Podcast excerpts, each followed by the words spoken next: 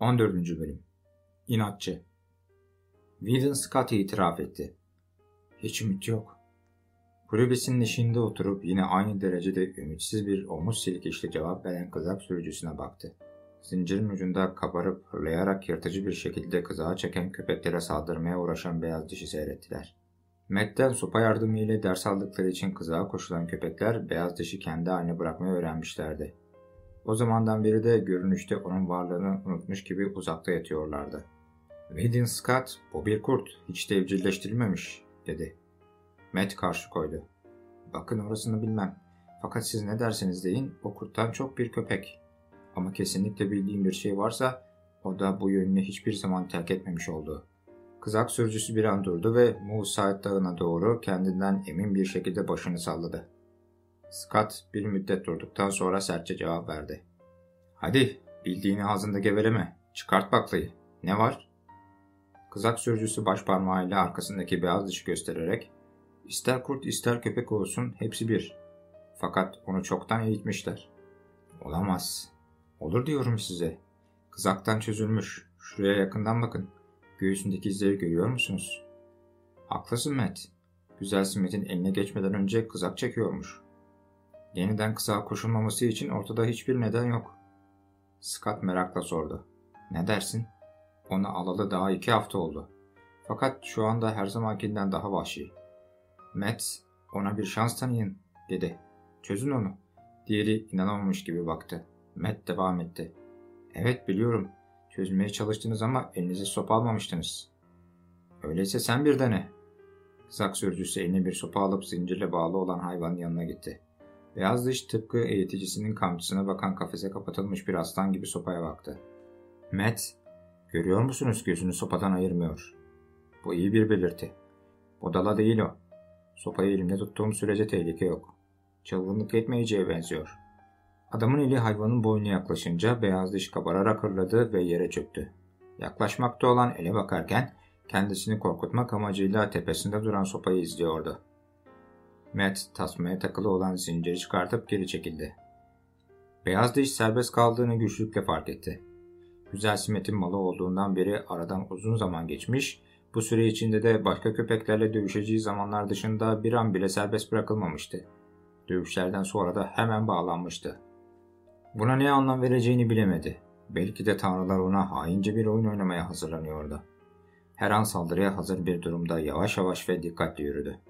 Görülmemiş bir şeydi bu. Onun için ne yapacağını bilemedi. Kendisini seyreden bu iki tanrıdan uzaklaşmak için tedbirini alıp dikkatli kulübenin köşesine doğru yürüdü. Hiçbir şey olmadı. İyice şaşırmıştı. Dönüp geri geldi ve bir adım ötede durup dikkatli iki adama baktı.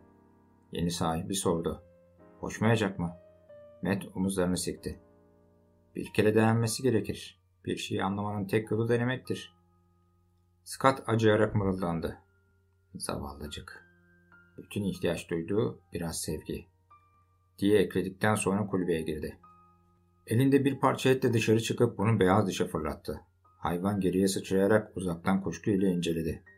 Matt eti göstererek orada duran diğer köpeğe seslendi. Hey! Binbaşı! Fakat köpeğe çok geç seslenmişti. Binbaşı dişlerini ete batırdığı an beyaz diş ona pençe attı. Köpek yere devrildi. Matt yardıma koştu fakat beyaz diş ondan daha atak davrandı. Binbaşı ayağa kalkmaya çalıştı. Akan kanlar karları kırmızıya boyayıp yerde geniş bir leke bıraktı. Scott aceleyle ''Çok fena ama oh olsun'' dedi. Fakat Metin ayağı beyaz dişe tekme atmak için havaya kalkmıştı bile. Hayvana sıçrayıp dişlerini gösterdiği görüldü ve sonra bir çığlık işitildi. Beyaz diş çılgınca hırlayarak birkaç metre öteye çekilirken Met eğilmiş bacağını kontrol ediyordu. Yırtılan pantolonu, çamaşırlarını ve büyümekte olan kırmızı lekeyi gösterdi. Beni fena yakaladı, dedi. Scott cesareti kırılmış bir sesle cevap verdi. Sana hiç umut olmadığını söylemiştim. Hiç istemediğim halde bunu ara sıra düşünmüştüm. Fakat artık zamanı geldi. Yapacak tek şey bu. Böyle konuşurken isteksiz bir harekette tabancasını çıkartıp kurşun var mı diye içine baktı. Matt karşı koydu. Buraya bakın Bay Scott. Bu köpek bir cehennem hayatı yaşamış. Onun pırıl pırıl bir melek gibi karşınıza çıkmasını bekleyemezsiniz. Biraz zaman verin ona. Diğer adam binbaşının durumuna bak dedi. Kızak sürücüsü fena halde hıppalanan köpeğe baktı. Kanının aktığı yerde karların üstüne çökmüş neredeyse son soluğunu verecekti. O olsun diyen sizdiniz Bay Scott. Beyaz dişin etini almaya kalkıştı. Hem artık ölmek üzere. Zaten böyle olması da gerekirdi. Ben kendi yiyeceği için mücadele etmeyen bir köpeğe iki kere aferin çekmem. Ama bir de kendi durumuna bak Matt. Köpekler pek önemli değil fakat her şeyin bir sınırı vardır. Matt inatla tartışmaya devam etti. Öyleyse bana da oh olsun. Ben ona tekme atmak istemedim mi? Hayvanın haklı olduğunu siz söylediniz.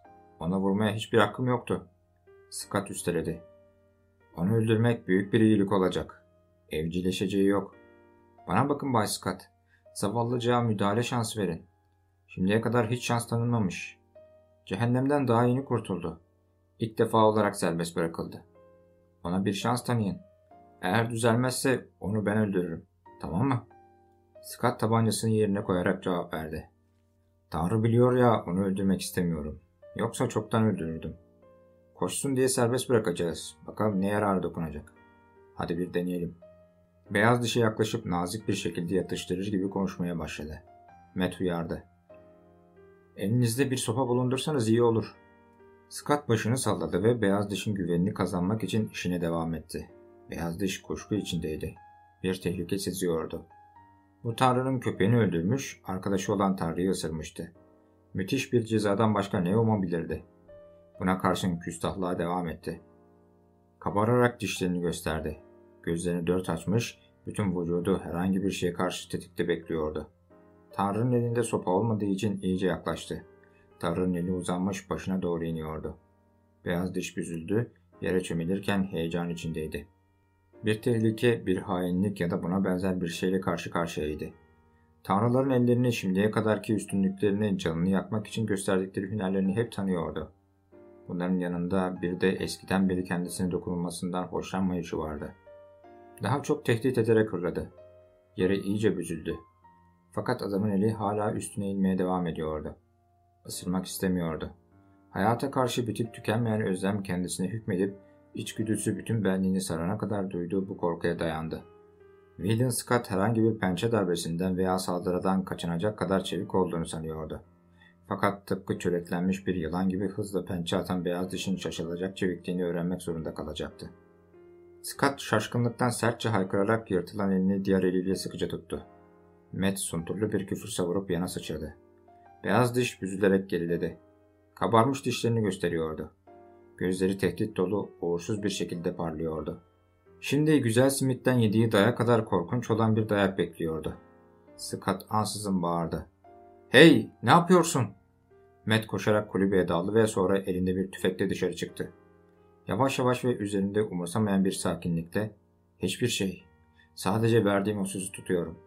Zannedersem demin de söylediğim gibi onu öldürmek benim elimde.'' ''Hayır, yapamazsın. Bal gibi yaparım. Şimdi beni seyredin.'' Isırıldığı zaman nasıl Matt yalvarmışsa şimdi yalvarma sırası Whedon Scott'taydı. Ona bir şans tanımamızı sen söyledin. İşte o şansı ona tanı. İşe daha yeni başladık. Başında bırakamayız. Bu sefer de bana o olsun. Hem şuna bak. Kulübenin köşesinde 20 adım kadar uzakta duran beyaz diş son derece korkunç bir şekilde hırlıyordu. Fakat bu hırıldı Scott'a değil kızak sürücüsüneydi. Adam, vay canına gözlerime inanamıyorum diyerek şaşkınlığını belirtti. Şunun zekasına bak. Ateşli silahın anlamını senin gibi o da biliyor.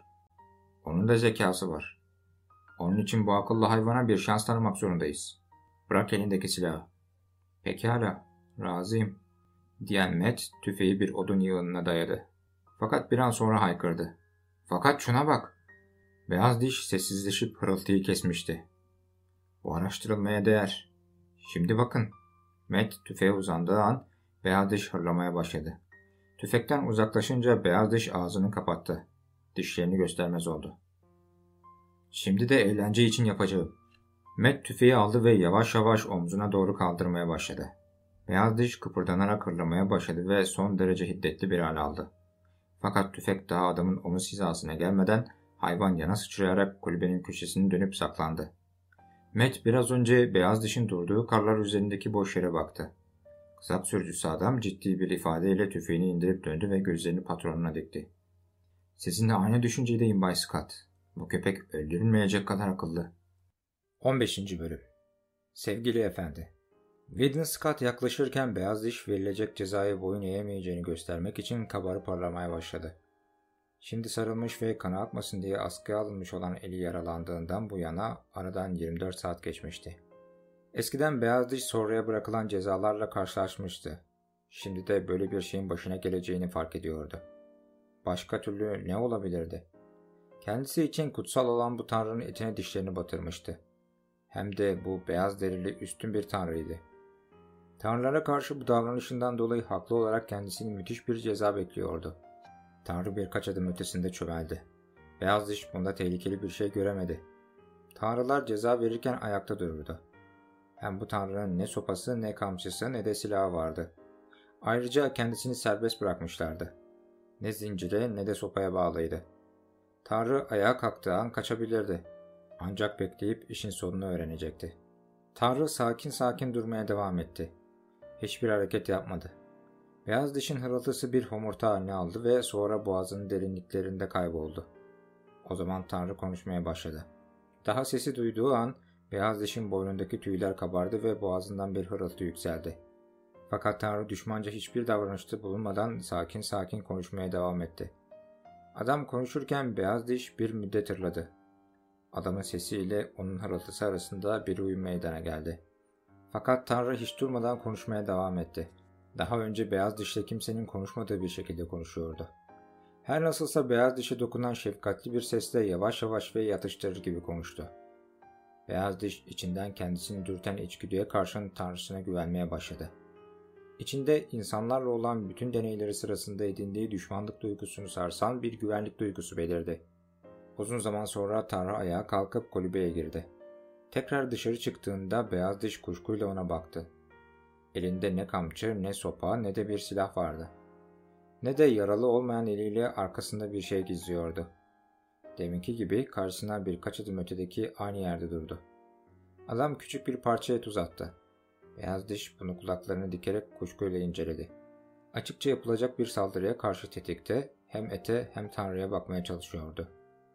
İlk düşmanca belirtide sıçrayıp uzaklaşmak için vücudu gerilmiş, hazır bekliyordu. Verilecek ceza oldukça gecikmişti. Tanrı bir parça eti burnuna yaklaştırmaktan başka bir şey yapmıyordu. Ette ise hiçbir acayiplik göze çarpmıyordu. Beyaz diş hala kuşku içindeydi. Adam hafif hafif salladığı eti ona uzatmasına karşın hayvan dokunmayı reddetti. Bütün tanrılar akıllıydı. Zararsız görünüşlü bu etin arkasında ne gibi bir hainliğin gizlendiğini bilmenin olanağı yoktu. Eskiden edindiği deneylerine göre özellikle kızılderili kadınlarla olan ilişkilerinde verilen etle ceza arasında genellikle korkunç bir bağ vardı. Sonunda Tanrı eti beyaz dişin ayaklarının dibine fırlattı. Hayvan ete hiç bakmadan dikkatle kokladı. Onu koklarken gözlerini Tanrı'dan ayırmıyordu. Hiçbir şey olmadı. Eti ağzına aldı ve yuttu. Yine hiçbir şey olmadı. Tanrı yeni bir et parçasını daha uzatıyordu ona. Yine elinden almayı reddettiği için adam önüne attı. Birkaç defa tekrarlandı. Fakat öyle bir zaman geldi ki Tanrı eti ona fırlatmaya yanaşmadı. Hiç vazgeçmeden elinde tutmaya devam etti. Et güzeldi. Beyaz dişte çok acıkmıştı. Son derece dikkatle adım adım yaklaştı. Sonunda eti adamın elinden yemeye karar verdi. Gözlerini hiç Tanrı'dan ayırmadı. Kulakları arkaya doğru yatmış bir durumda, boynundaki tüyler istemeden kabararak başını öne doğru uzattı. Aynı zamanda kendisiyle şaka yapılamayacağını ihtar etmek ister gibi boğazından bir hırıltı yükseldi. Eti yedi, yine hiçbir şey olmadı. Parça parça bütün eti yiyip bitirdiği halde hiçbir şey olmamıştı. Verilecek ceza hala gerçekleşmemişti. Ağzını yüzünü yalayıp bekledi. Tanrı konuşmaya devam etti. Sesinde şimdiye kadar beyaz dişin bilmediği bir şefkat vardı. İçinde şimdiye kadar hiç bilmediği bir takım duygular belirdi. Sanki bir ihtiyacı giderilmiş, sanki içinde bir boşluk doldurulmuş gibi acayip bir memnuniyet duydu. O zaman içgüdüsü yine kendini göstererek geçmişte edindiği deneyler onu uyarmaya başladı. Tanrılar her zaman kurnazdı. Kendisi gibi hayvanların sonunu hazırlamak için akla gelmeyen yöntemleri vardı. Evet, yanılmamıştı. İşte Tanrı'nın eli canını acıtmayı amaçlayarak ileri doğru uzanmış ve başına doğru inmeye başlamıştı bile. Fakat Tanrı konuşmaya devam etti. Sesi yumuşak ve yatıştırıcıydı. Eli tehdit etmesine karşın sesi güven veriyordu. Sesindeki yatıştırıcı tona karşı eli bir güvensizlik uyandırıyordu. Beyaz diş karma karışık duygular içinde bocalıyordu. Kararsızlıkla bir arada bulunan içindeki karışık güçlere karşı geçiştiği üstünlük savaşı o kadar müthişti ki neredeyse buna daha fazla dayanamayacaktı. Fakat bir çözüm yolu buldu.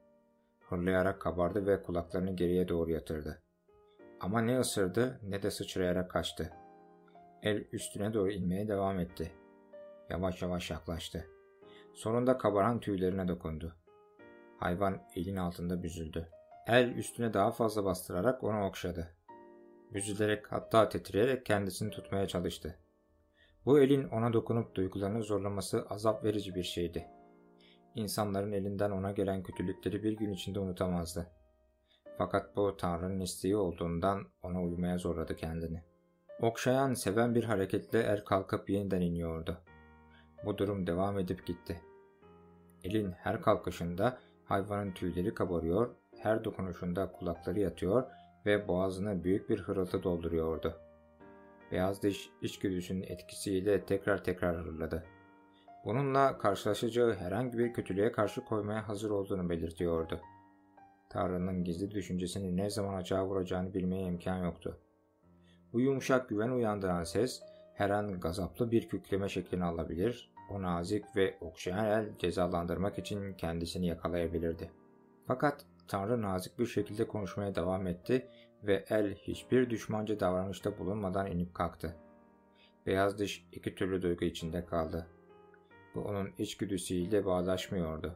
Kişisel özgürlük isteğine karşı koyup onu tutuyordu. Fiziksel bakımdan acı veren bir şey değil, tersine zevk vericiydi. Bu okşama yavaş yavaş ve dikkatli değişip kulaklarının dibine doğru yükselen bir ovuşturma şeklini alırken, verdiği fiziksel zevk biraz daha arttı. Buna karşın hayvan korkmaya devam ediyor, tahmin edemediği bir üstünlüğe karşı tetikte bekliyordu. Sırayla birbirini bastıran duygular içinde hem acı çekiyor hem de zevk duyuyordu. Vay canına, gözlerime inanamıyorum. Kulübeden dışarı çıkan Matt işte böyle konuştu. Kollarını yukarı doğru sıvamış, Whedon Scott'ın beyaz dişi okşadığını görünce elindeki kirli bulaşık suyunu dökmeyi bile unutmuştu. Sessizliği bozduğu an beyaz diş geriye sıçrayarak ona doğru vahşi bir şekilde hırlamaya başladı. Matt kederli ve beğenmeyen bir ifadeyle patronuna baktı.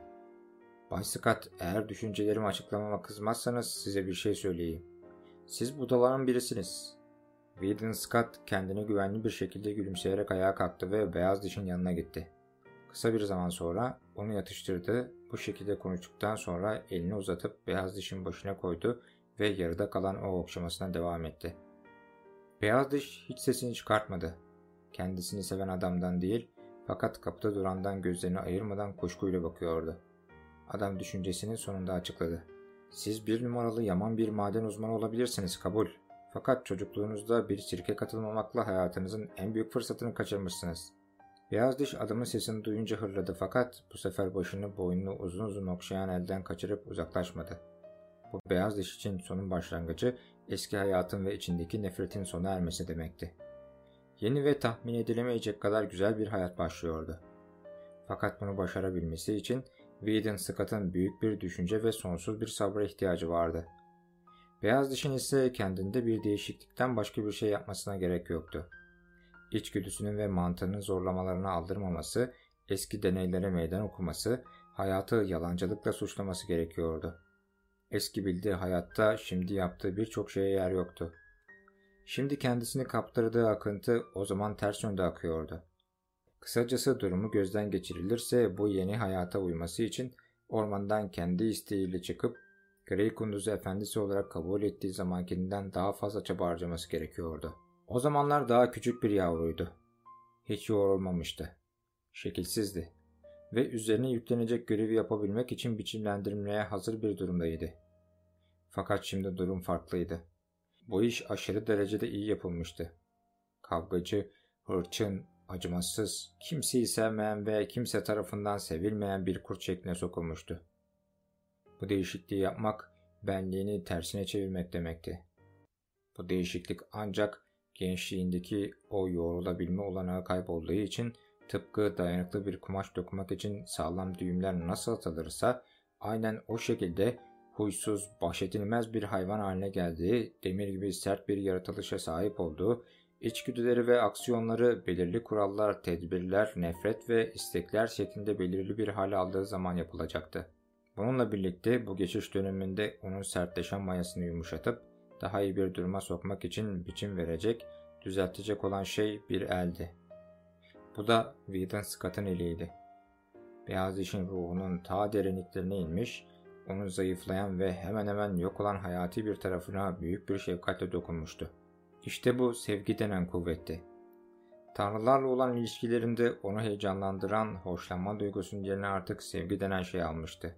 Fakat bu sevgi tek bir günde doğmadı. Hoşlanma duygusuyla başlayarak yavaş yavaş gelişti. Beyaz diş serbest bırakıldığı halde kaçıp gitmedi. Çünkü bu yeni tanrıdan hoşlanmıştı. Güzel Smith'in kafesinde yaşadığı hayattan elbette ki bu çok daha iyiydi. Hem kendisine bir tanrı edilmesi de gerekliydi. İnsanın üstünlüğü onun doğal bir ihtiyacıydı. Onun insana bağlandığını gösteren mühür, sırtını ormana dönüp dayak yemeyi umut ederek gri kunduzun ayaklarının dibine kıvrıldığı gün basılmıştı. Bu mühür kıtlık bitip gri kunduzun kampında yeniden balık piştiği zaman ormandan ikinci defa dönüşünde bir kere daha basılmıştı. İşte bir tanrıya ihtiyacı oldu ve Whedon Scott'ı güzel Smith'e tercih ettiği için beyaz diş kaldı. Bağlılığını göstermek için efendisinin malının bekçiliğini üzerine aldı. Kızağı çeken köpekler uyurken kulübenin çevresinde gizli gizli dolaştı. Gece gelen ilk konuk Whedon Scott yardıma koşana kadar sopasıyla kendisini korumak zorunda kaldı. Fakat beyaz diş davranış ve görünüşlere değer biçerek hırsızla dürüst insanlar arasındaki ayrılığı kısa zamanda öğrendi.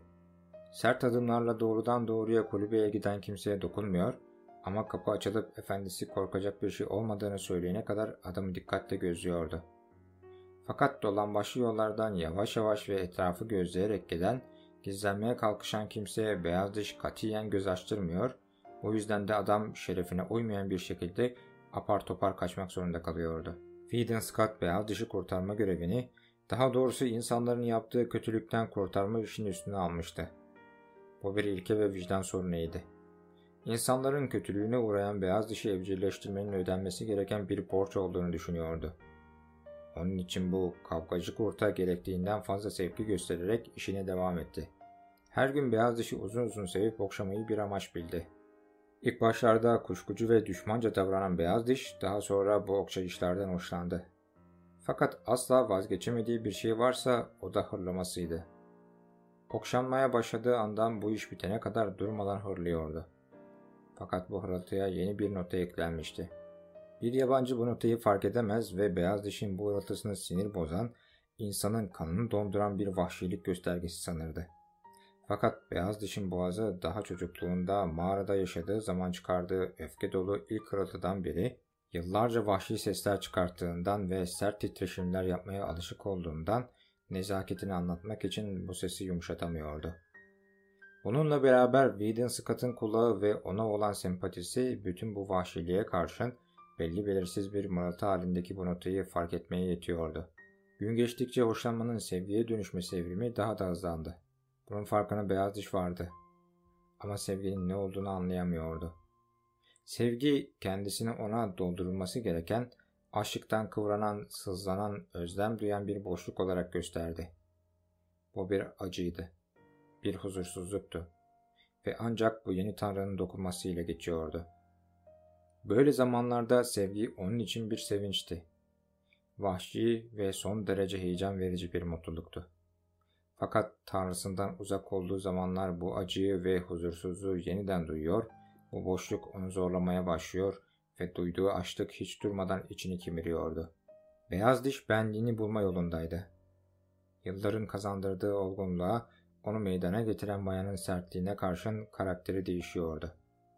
İçinde acayip ve alışılmamış duygular filizleniyordu. Davranışlarını etkileyen eski ilkeler artık değişiyordu. Eskiden rahatı sever, rahatının kaçmasından, canının acımasından nefret ederdi ve hareketlerini de buna göre ayarlardı. Fakat şimdi durum başkaydı. İçindeki bu yeni duygudan dolayı Tanrı'nın hatırı için sık sık rahatının kaçmasına razı oluyordu. Dolaşıp kendisine yiyecek arayacağı ya da gölgelik bir köşede uzanıp yatacağına sabah erkenden kalkıp Tanrısının yüzünü görebilmek için saatlerce kulübesinin önünde bekliyor, bu yüzden de neşesi katiyen kaçmıyordu. Geceleri Tanrısı eve dönerken Beyaz Diş onun tarafından dostça sevilip selamlanabilmek için tatlı uykusundan kalkıyordu. Fakat Tanrısıyla olabilmek, onun tarafından okşanabilmek ya da şehre birlikte inebilmek için etinden bile vazgeçebilirdi. Artık hoşlanma duygusu yerini sevgiye bırakmıştı. Ruhunun derinliklerinde hiçbir zaman sevgiye yer olmamıştı. Şimdi sevgi adeta ruhun derinliklerine indirilen bir şeydi. Bu derinliklerden artık bir ses geliyordu. Bu ses sevgiydi. Kendisine bugüne kadar yapılanlara karşılık veriyordu. Beyaz dişin karakteri tıpkı güneşin altında gelişen bir çiçek gibi bu sevgili, sıcak ve aydınlık tanrının ışığı altında gelişip serpildi. Fakat beyaz diş gösterişi seven bir hayvan değildi. Başka türlü davranamayacak kadar olgun ve ciddiydi. Duygularını bastırıyor ve tek başına kalmaya devam ediyordu. Eskiden beri kimseye yaklaşmaz, suratını asar, tek başına dururdu. Şimdiye kadar hiç havlamadığından tanrısını selamlamak için şimdi de havlayamıyordu. Sevgisini belirtmek için hiçbir zaman çılgınlık yapmaya kalkışmadı. Zaten bu adeti de değildi. Tanrısını karşılamak için asla koşmazdı.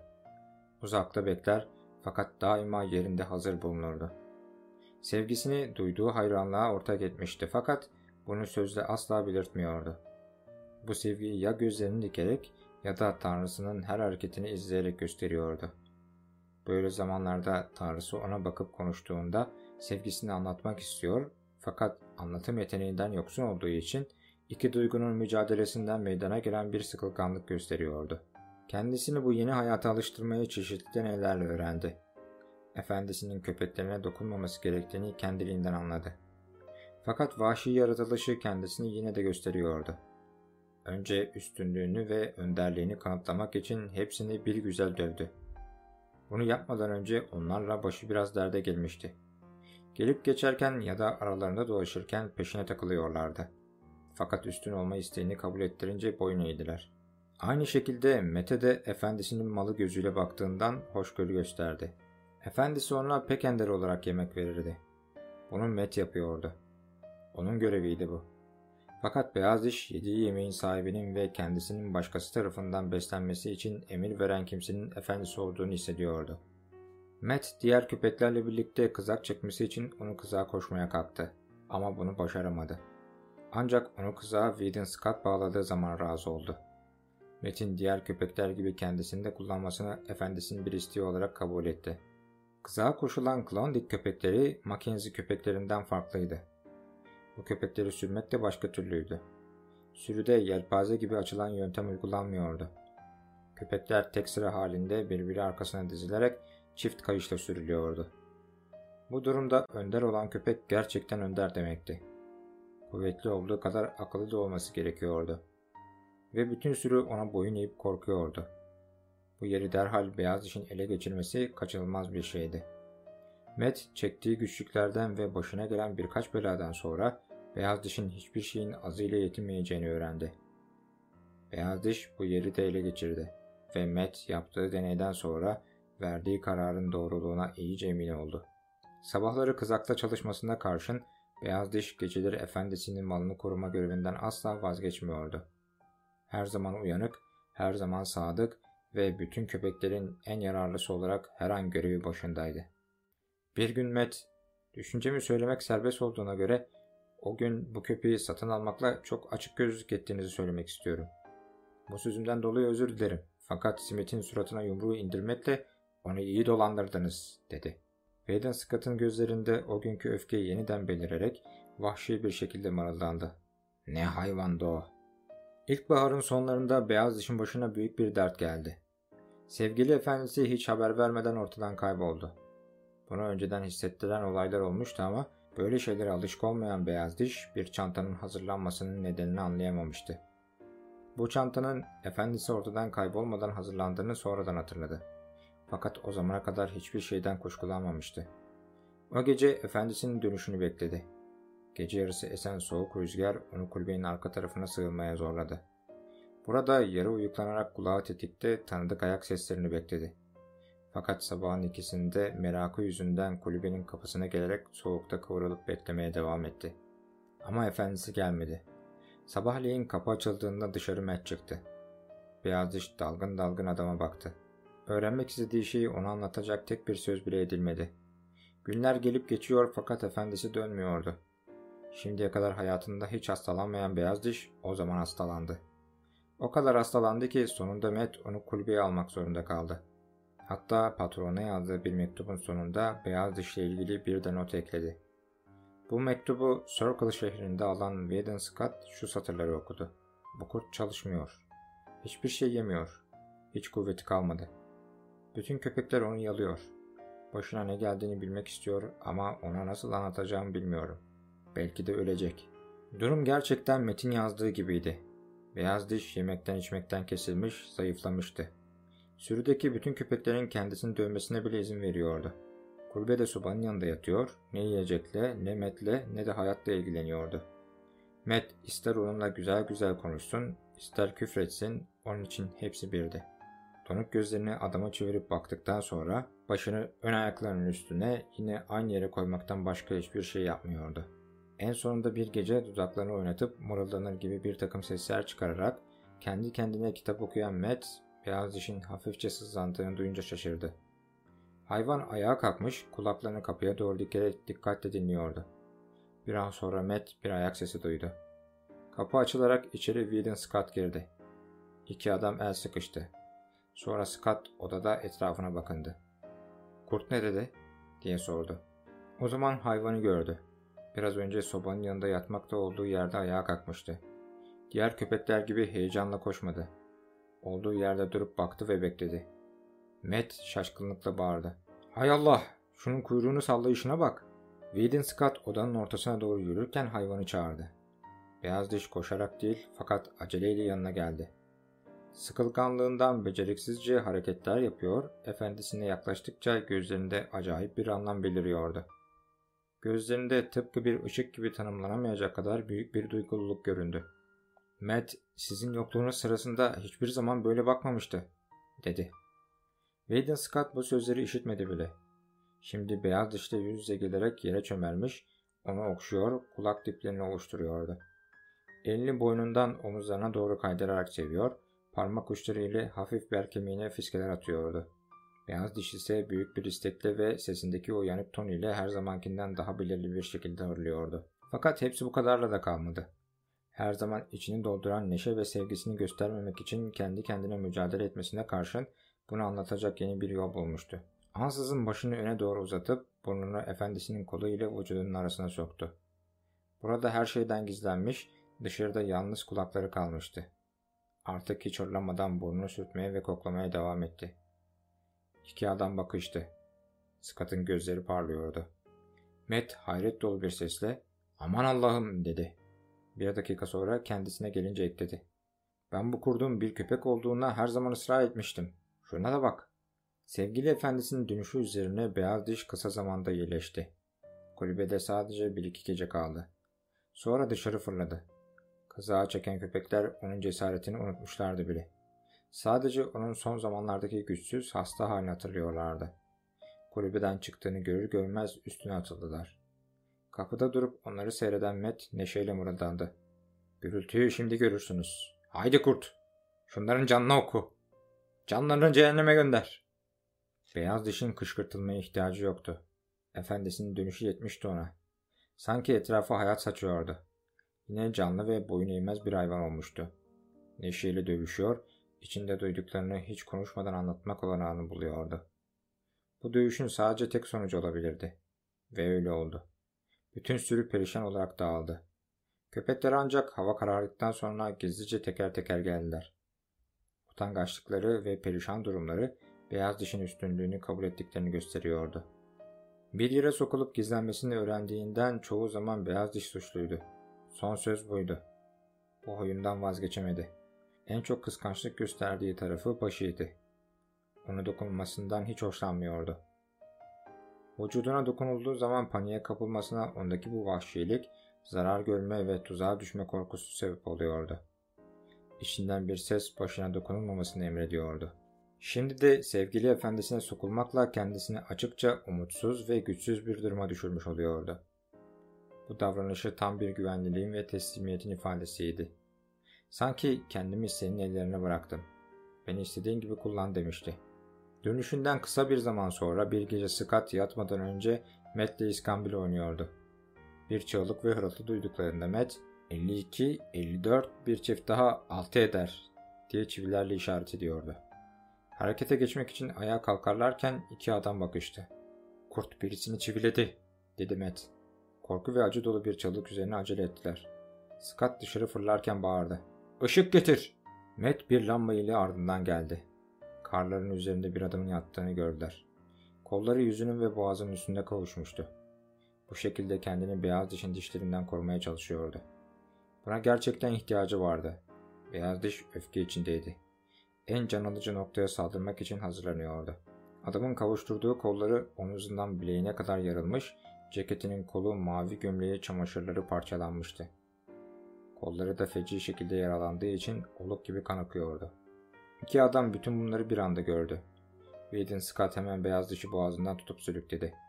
Beyaz diş mücadele edip hırlıyordu.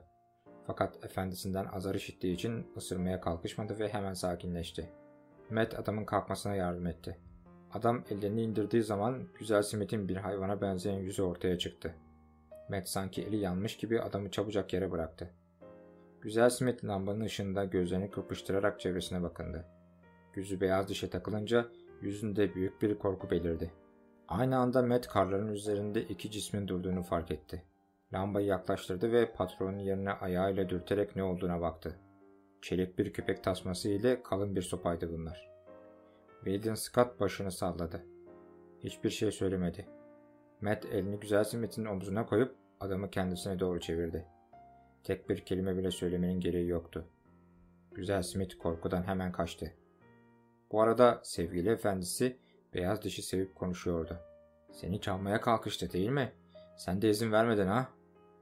Büyük bir yanlışlık yaptı değil mi?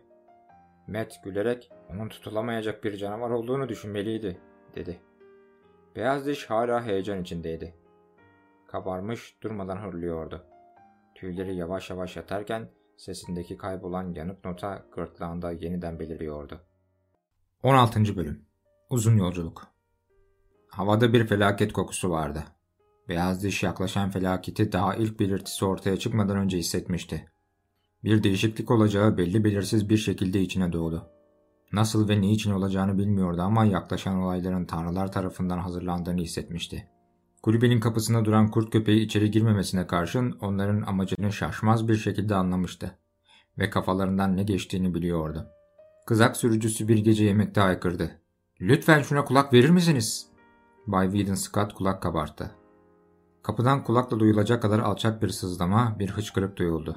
Sonra beyaz diş tanrısının hala içeride olduğunu, henüz anlaşılmaz şekilde ve tek başına kaçmadığını anlamış gibi, sonra beyaz diş tanrısının hala içeride olduğunu, henüz anlaşılmaz şekilde ve tek başına kaçmadığını anlamış gibi derin derin içini çekti. Kızak sürücüsü, ''Sanıyorum bu köpek sizin peşinizde.'' dedi. Whedon Scott yalvaran gözlerle arkadaşına baktı. Fakat gözleri bakışlarını yalancı çıkardı. ''Bu kurtla ben Kaliforniya'da ne yapabilirim?'' diye sordu. Matt, ''Ben de aynı şeyi soruyorum. Bir kurtla Kaliforniya'da ne yaparsınız?'' Fakat bu söz Whedon Scott'ı tatmin etmedi. Sanki arkadaşı tarafsız bir şekilde onu yargılıyordu. Scott devam etti. Orada yaşayan adamların köpekleri ona karşı gösteri yapacak. Onları daha görür görmez öldürür. Beni zarara sokup iflas ettirmese bile yetkilileri alıp elektriğe tutarak öldürür. Kızak sürücüsü, onun tam anlamıyla bir cani olduğunu biliyorum, dedi. Whedon Scott kuşkuyla adama baktı. Kesin bir şekilde konuştu. Böyle bir şey yapmayacaktır. Matt bu sözü kabul etti. Elbette böyle bir şey yapmayacak. Çünkü bakması için özel olarak bir adam tutmak zorunda kalacaksınız. Diğerlerinin kuşkusu yatışmıştı. Neşeyle başını salladı. O anda bir sessizlik oldu ve bu sessizlikte uzun bir hıçkırık sesi sonra da hayvanın inceler gibi etrafı koklayışı duyuldu. Matt, sizi çok fazla düşündüğünü inkar etmek imkansız, dedi. Diğeri ani bir öfkeyle parladı. Allah kahretsin be. Ben ne yapacağımı biliyorum.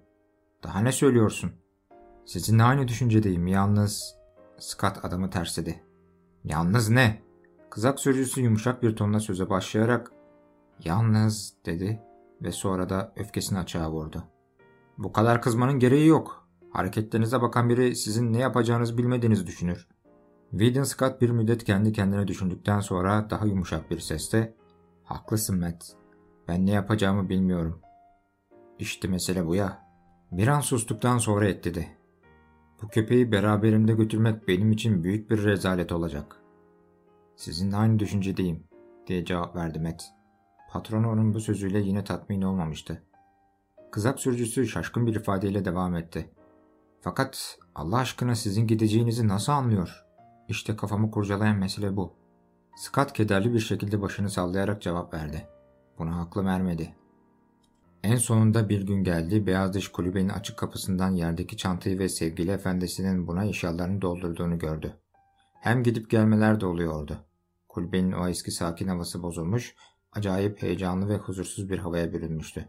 Kesin bir kanıttı bu. Beyaz dış olacakları sezmişti. Şimdi daha iyi anlıyordu.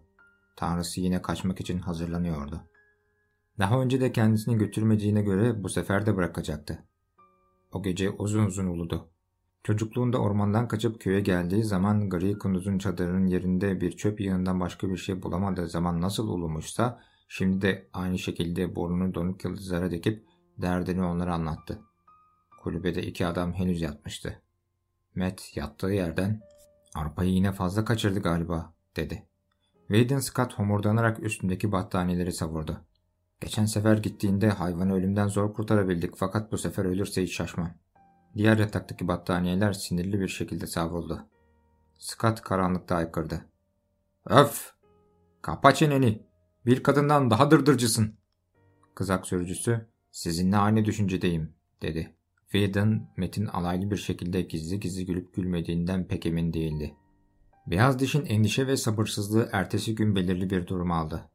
Efendisi ne zaman kulübeden çıksa peşini bırakmıyor, içeride olduğunda da ön kapıdan ayrılmıyordu. Kapıdan yerdeki eşyaları görebiliyordu. Çantanın yanına iki büyük kumaş torba ve kutu eklenmişti. Matt efendisinin battaniye ve kürk paltosunu küçük bir muşambaya sarıyordu. Beyaz diş bunları seyrederken sızlanmaya başladı. Daha sonra gelen iki kızılderili paketleri omuzlarına yükleyip yatak takımlarını ve çantayı taşıyan Metin arkasından bayır aşağı inişlerini seyretti. Fakat beyaz diş peşlerinden gitmedi. Efendisi hala kulübedeydi. Met bir müddet sonra geri döndü. O zaman efendisi dışarı çıkıp beyaz dişi içeri çağırdı. Beyaz dişin kulaklarını ovup bel kemiğine fiskeler atarak yumuşak bir sesle konuştu. Zavallıcık seni. Gelemeyeceğim uzun bir yolculuğa çıkıyorum aslanım. Haydi bana son bir kere iyice hırla bakayım. Fakat beyaz diş hırlamayı kabul etmedi. Tersine dalgın ve anlamak ister gibi bir bakışla baktıktan sonra başını efendisinin koluyla vücudunun arasına soktu. Matt haykırdı. İşte düdük ötüyor. Yukondan bir buharlı geminin sert düdük sesi geliyordu. İşi kısa kesmemiz gerekiyor. Ön kapıyı muhakkak kapatın. Ben arkadan çıkacağım. Haydi harekete geçin. İki kapı da aynı anda çarpılarak kapandı ve Whedon Scott Matt'in ön kapıya gelmesini bekledi. İçeriden hafif bir sızlanma ve ağlama sesi duyuluyordu. Sonra hayvan havayı uzun uzun kokladı. Bayır aşağı inerken Scott, ona iyi bakmalısın. Bana mektup yazıp nasıl olduğunu bildir, dedi. Elbette, diye cevap verdi kızak sürücüsü. Fakat lütfen şuna kulak verir misiniz? İki adam durdu. Beyaz diş tıpkı efendisi ölen köpekler gibi oluyordu. Üzüntüsünü dile getiriyor, ağlaması insan yüreğini parçalayacak bir şekilde yükselip yine perişan bir şekilde alçalıyordu. Sonra yeniden daha kederli bir halde yükseliyordu. Şafak adlı buharlı gemi o sene dışarı giden ilk gemiydi. Güvertesi zengin maceracılar ve düş kırıklığına uğramış altın arayıcılarıyla doluydu. Hepsi de buraya gelmek için duydukları çılgınca arzuyu bu sefer gitmek için yine aynı derecede duyuyordu. Scott kıyıya dönmeye hazırlanan Matt'le iskelede el sıkışıyordu. Fakat gözleri patronun arkasında bir şeye takılan Metin eli titreyerek havada kaldı. Scott ne olduğuna bakmak için döndü. Birkaç adım ileride güvertede oturmuş dalgın gözlerle beyaz dış onları seyrediyordu. Kızak sürücüsü şaşkınlıktan dili dolaşarak bir küfür savurdu. Scott bakıyordu. Matt sordu. Ön kapıyı kilitlediniz mi? Scott başıyla onayladı ve sordu. Ya arka kapıyı? Kapattığıma bahse girerim. diye öfkeli bir cevap aldı. Beyaz diş sanki sevdiklerini kazanmak istermiş gibi kulaklarını kıstı. Fakat hiç kalkmaya davranmadan yine oturduğu yerde oturmaya devam etti. Onu kıyıya çıkartmam gerekiyor. Matt hayvana doğru birkaç adım atınca beyaz diş adamdan kaçtı. Kızak sürücüsü peşinden koşarken beyaz diş bir grup adamın bacakları arasına gizlendi. Saklanıyor, dönüyor, bükülüyor, güvertede koşuyor, kendisini yakalamalarına imkan vermiyordu. Fakat sevgili efendisi çağırınca beyaz diş hemen koşarak yanına geldi. Kızak sürücüsü gücenerek söylendi. Elbette kaç aydır kendisini besleyen adama gelmez. Oysa siz ilk birkaç gün alıştırdıktan sonra ona hiçbir şey yedirmediniz. Sizi nasıl olup da patron diye tanıyor. Eğer anlıyorsam kahrolayım. Beyaz dişi okşayan Scott ansızın eğilip hayvanın burnundaki ve iki gözünün arasındaki yaraları gösterdi. Matt eğilip beyaz dişin karnını sıvazladı. Pencereyi tamamen unuttuk. Kırıp dışarı çıkmış. Kafasıyla kırmış olmalı. Vay canına. Fakat Whedon Scott onu dinlemiyor, sadece düşünüyordu. Şafağın düdüğü demir almak üzere olduğunu göstermek için son bir kere daha öttü. Kıyıya çıkmak için adamlar aceleyle iskeleden iniyordu. Matt boynundaki mendili çözüp beyaz dişin boynuna bağlamaya başladı. Scott kızak sürücüsünün elini yakaladı. Allah'a ısmarladık Matt dostum. Kurt için mektup yazmaya gerek kalmadı. Görüyorsun ya yanımda. Kızak sürücüsü haykırdı. Ne? Ne demek istiyorsun yani? Evet düşündüğün gibi. Al mendilini. Artık onun hakkında sana ben mektup yazarım. Matt iskelenin ortasında durdu. Ne yaparsanız yapın sıcak iklimde asla dayanamayacak diye bağırdı. İskele alındı ve şafak kıyıdan ayrıldı. Whedon Scott son bir kere daha el salladı. Sonra dönüp yanında duran beyaz dişe eğildi. Hayvanın başını sevip kulaklarını okşarken ''Hadi hırla bakalım'' dedi.